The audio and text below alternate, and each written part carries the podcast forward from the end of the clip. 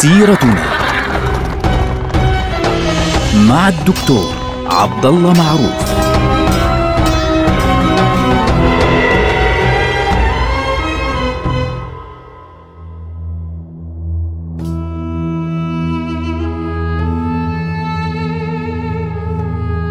السلام عليكم ورحمة الله وبركاته.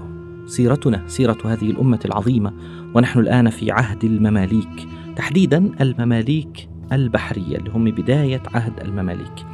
طبعا آه يعني الظاهر بيبرس أعظم الملوك أو المؤسس الحقيقي فعليا للدولة المملوكية توفي في آه، السابع عشر من محرم عام 676 للهجرة. كان ذلك في شهر 6 حزيران عام 1277 والظاهر بيبرس خلف ولده السعيد بركة فعليا ملكا.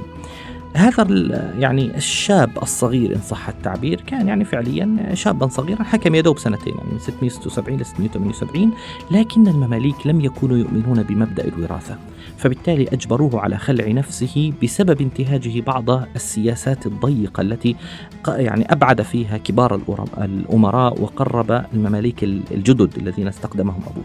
فنصب المماليك مكانه العادل بدر الدين سلامش ابن قيبرس أيضا وفي ظل كان ذلك ذلك في ظل تنافس الأمراء. وبرز في هذه المرحلة الأمير سيف الدين قلاوون وهذا الرجل كان اميرا قويا تطلع إلى منصب السلطنة واختير آه، أتى به أو أتى بكا للسلطان لأنه قاصر. السلطان بدر الدين سلامش كان قاصرا صغيرا فأصبح سيف الدين قلاوون متصرفا فعليا في أمور البلاد. فبعد ثلاث أشهر عزل سلامش خلص وقال هذا صبي لا يستطيع النهوض باعباء الحكم وتولى بنفسه عرش السلطنة. عهد قلاوون عهد مهم جدا يعني عهد قلاوون يحكم فيه فترة لا بأس بها. يعني إحنا بنتكلم عن رجل حكم هو وأسرته بعده فترة لا بأس بها من عهد الدولة المملوكية.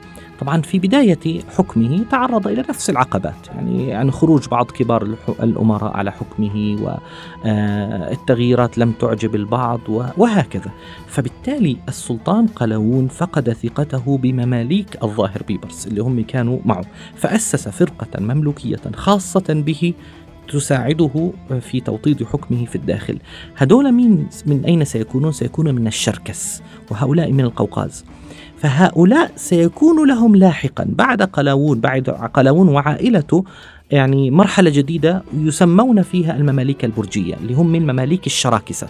يعني مش المماليك اللي أصلهم ترك من وسط آه، لكازاخستان وغيرها لا لا هدول, هدول من منطقة القوقاز وشركس إن صح التعبير. قلاوون يعني آه، نهج مثل بيبرس حصر السلطة, السلطة في بيته فعليا ليحتفظ بها أطول فترة. يعني أربع أجيال فعليا كانت في يد قلاوون وعائلته فعليا. وفي نفس الوقت اتبع سياسة الظاهر بيبرس في التصدي للصليبيين وللمغول فتمكن من فتح حصن المرقب الكبير كان للإسبيتارية الصليبية آه، وفتح اللاذقية بعد ذلك وفتح طرابلس طرابلس في آه، لبنان ومهد لفتح عكا بعد ذلك طبعا ستفتح عكا في عهد خلفه فعليا. المماليك والمغول من ناحية أخرى كانت علاقتهم في بلاد فارس يعني علاقة سيئة في النهاية.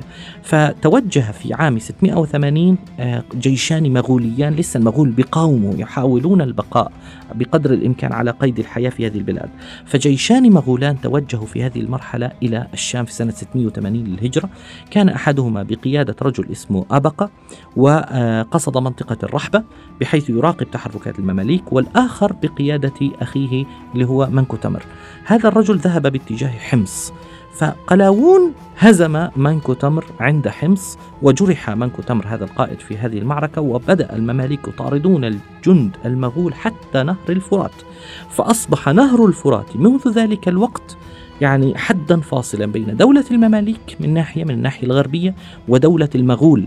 طبعا هذا يعني ابتداء لسه ها؟ يعني المغول لسه بيقاوموا فيهم روح. وبالتالي اضطر أبقى إلى فك الحصار عن منطقة الرحبة والعودة إلى بلاده ثم قتل بعد ذلك في بلاد فارس. طبعا بدأ المغول بعد مقتل أبقى يتحولون شيئا فشيئا إلى الإسلام. شيء عجيب. الدولة يعني ال- التي يعني كسرت المسلمين وتمكنت من تدمير بغداد وتدمير حضارة بغداد بدأ فيها المغول لاحقا يتحولون إلى الإسلام. شيء عجيب. حيث استطاع الدعاة المسلمون أن يجتذبوهم إلى الدين الإسلامي. يعني أبقى طبعا قتل كان على يد أخيه تيكودار وتيكودار اعتنق الدين الإسلامي وسمي أحمد. لكن مع ذلك بقيت العلاقة سيئة بين المغول اللي هم مسلمين الآن. بدأوا يعني يدخلون الإسلام لكنه علاقتهم مع المماليك سيئة. ليه؟ لأنه كانت المغول لسه عندهم نزعة توسعية ويحاولون إخضاع المماليك مع أنه كان في هدوء. طبعا هذا الكلام سيؤدي لاحقا بعد سنوات طويلة إلى ظهور شخصية مهمة اسمها آه، تيمور لنج ستظهر لاحقا.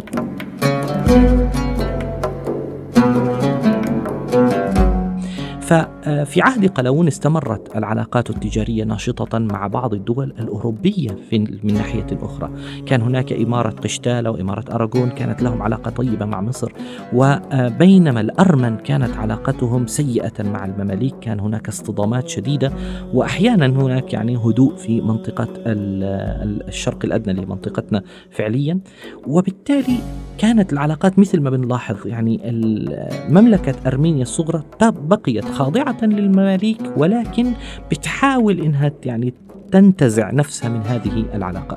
أما البيزنطيون فقد حرص السلطان قلاوون على أن يعني يبقي علاقته طيبة مع البيزنطيين تحديدا الإمبراطور البيزنطي ميخائيل الثامن ومع ابنه آه، اللي هو آه، أندورنيكوس الثاني. وبقيت العلاقة أيضا مع مغول القفجاق اللي هم آه، البعيدين طبعا عن منطقة ال- وسط آسيا ومنطقة الشرق الأوسط إن صح التعبير طبعا بمفاهيمنا اليوم.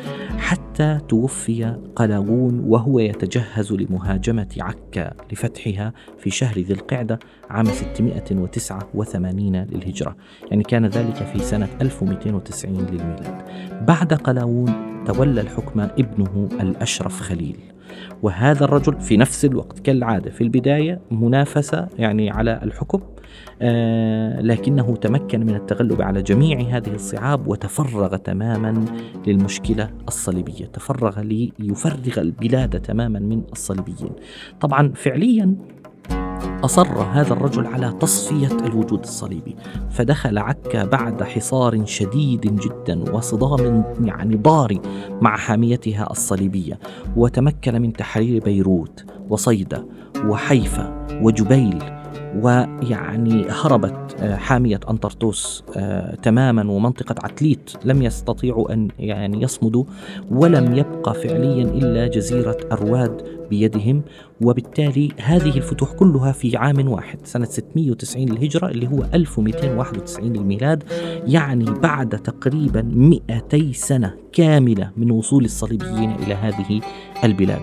وهكذا تمت الفتوح في جميع بلاد الساحل الإسلامي في في بلاد الشام وانتهت مرحلة الحروب الصليبية باستثناء يعني ذيول كانت قلعة هون ومش عارف إيه هنا يعني لا شيء خلاص انتهى الأمر تماما وانتهى الصليبيون تماما وصفيت قواعدهم بالكامل فعليا وبالتالي خلاص انتهت صفحة الحروب الصليبية على يد الأشرف خليل ابن قلاوون ولكن في المقابل في المقابل آه الأشرف خليل يعني في داخل الحكم في داخل بيت الحكم إن صح التعبير كانت بينه وبين كبار الأمراء مشاكل كبيرة جدا يعني أدت في النهاية إلى قتله فعليا.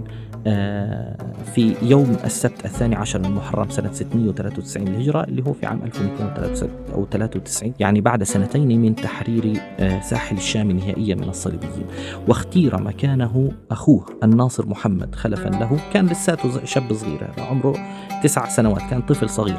هذا الغلام الصغير على فكرة سيكون له دور مهم لأنه سيتسلطن ثم سيخلع ثم سيتسلطن ثم سيخلع ثم سيتسلطن للمرة الثالثة يعني مثل ما بيقولوا في المثل الشعبي الثالثة تابته فبالتالي في المرة الثالثة دام حكمه فترة طويلة جدا ولكن لما كان في التاسعة من عمره لم يتمكن أن يواجه مشاكل الأمراء الداخلية وتنافسهم لأن كلهم عسكر كلهم جيش ولا حتى الأخطار الخارجية المح المحدقة بمصر فعليا وبالتالي آه، يعني خلص سبحان الله العظيم أدى ذلك إلى آه، خلعه فعليا على يد آه، كتبغة آه، الذي خلع السلطان وأصبح آه، سلطانا مكانه في آه، عام ألف عام 694 للهجرة. طبعا الناصر محمد جلس في الكرك خلص خلع وبقي في الكرك. لكن عهد السلطان كتبغى هذا حوالي سنتين فقط بقي مضطربا جدا. يعني هذا الرجل ما عنده نظرة سياسية وكانت يعني سمعته سيئة وكرهه الناس فعليا وبالتالي بالتالي يعني ماجت الدنيا في زمنه. وهذا الأمر استغله الأمير آه، حسام الدين لاجين فدبر مؤامرة فانقلب على السلطان كتبغى وأعلن السلطان لاجين آه، يعني سلطانا جديدا وحكم سنتين أخرين. فهدول السنتين نفس المشاكل الداخلية. طبعا هذا الكلام سنسمعه كثيرا عند المماليك. دائما يدوب كل واحد بالقوة بيسيطر على حكم. طبعا في هذه المرحلة تمكن جيش المماليك من الدخول إلى أرمينيا يعني كانت المشاكل خلص الصليبيين انتهوا فبالتالي كانت المشاكل الأساسية بينهم وبين الأرمن أو أرمينيا آه، فتم فتح عدد من القلاع الأرمنية فعليا مثل مرعش وطلحمدون في ذلك الوقت وتجددت نزاعات المماليك مرة أخرى. في النهاية فرغ رأس السلطة فاستدعوا الناصر محمد من الكرك ونصبوه سلطانا للمرة الثانية. في هذه المرحلة كان عمره 14 سنة يعني لساته صغير. مع ذلك يعني بعد أن يعني تجلى الوضع بشكل واضح يعني تخلى الناصر محمد مختارا يعني تخلى عن الحكم مختارا وتولى الحكم فعليا السلطان بيبرس الجشنكير اللي هو الظاهر مش الظاهر بيبرس هذا واحد آخر يسمى البيبرس الجشنكير. وعلى فكرة بيبرس الجشنكير له أثر مهم موجود في زماننا الحاضر له مصحفه الخاص مصحف مذهب جميل جدا موجود في المكتبة البريطانية في لندن. طبعا في مرح في هاي المرحلة اللي هي مرحلة الناصر محمد الثاني لما كان عمره 14 سنة حدث شيء مهم جدا وحدث يعني كبير جدا وهو معركة كبيرة آه، سميت معركة مرج الصفر بين جيشي المماليك والمغول. كان في ذلك الوقت الناصر محمد هو السلطان صغير لكنه أرسل بيبرس الجشنكير ومعه أمير اسمه سلار وتمكنوا فعليا من الانتصار على المغول في معركة مرج الصفر. أيضا تسمى هذه المعركة معركة شقحب التي دخل على إثرها المماليك إلى دمشق مرة أخرى وهزموا السلاطين مرة أخرى. ولكن بعد ذلك يعني آه، خلع السلطان محمد آه، ابن قلاوون واستلم الحكم آه، بيبرس الجشنكير الذي توفي بعد ذلك يعني بسبب ثورة وسلطن السلطان محمد مرة أخرى سلطانا. لكن هذه المرة زي ما بنقول الثالثة إيش؟ ثابتة. ثلاثون عاما من الحكم. ثلاثين سنة. فهنا ظهرت فيها شخصيته المهمة. يعني 31 سنة هجرية و30 سنة ميلادية. كان حكمه في هذه المرحلة يعني حكما آه، مستقرا إن صح التعبير. أقيمت فيه آه، علاقات تجارية مع آه، كثير من الدول. وبنيت عديد من الأبنية في كل مكان في الدولة المملوكية.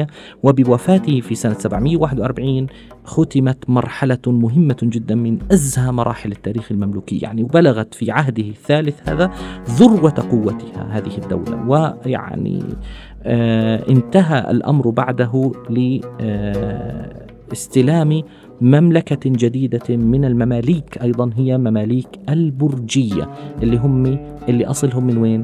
الشركس بعد وفاة محمد ابن قلاون. نلقاكم على خير والسلام عليكم ورحمة الله وبركاته.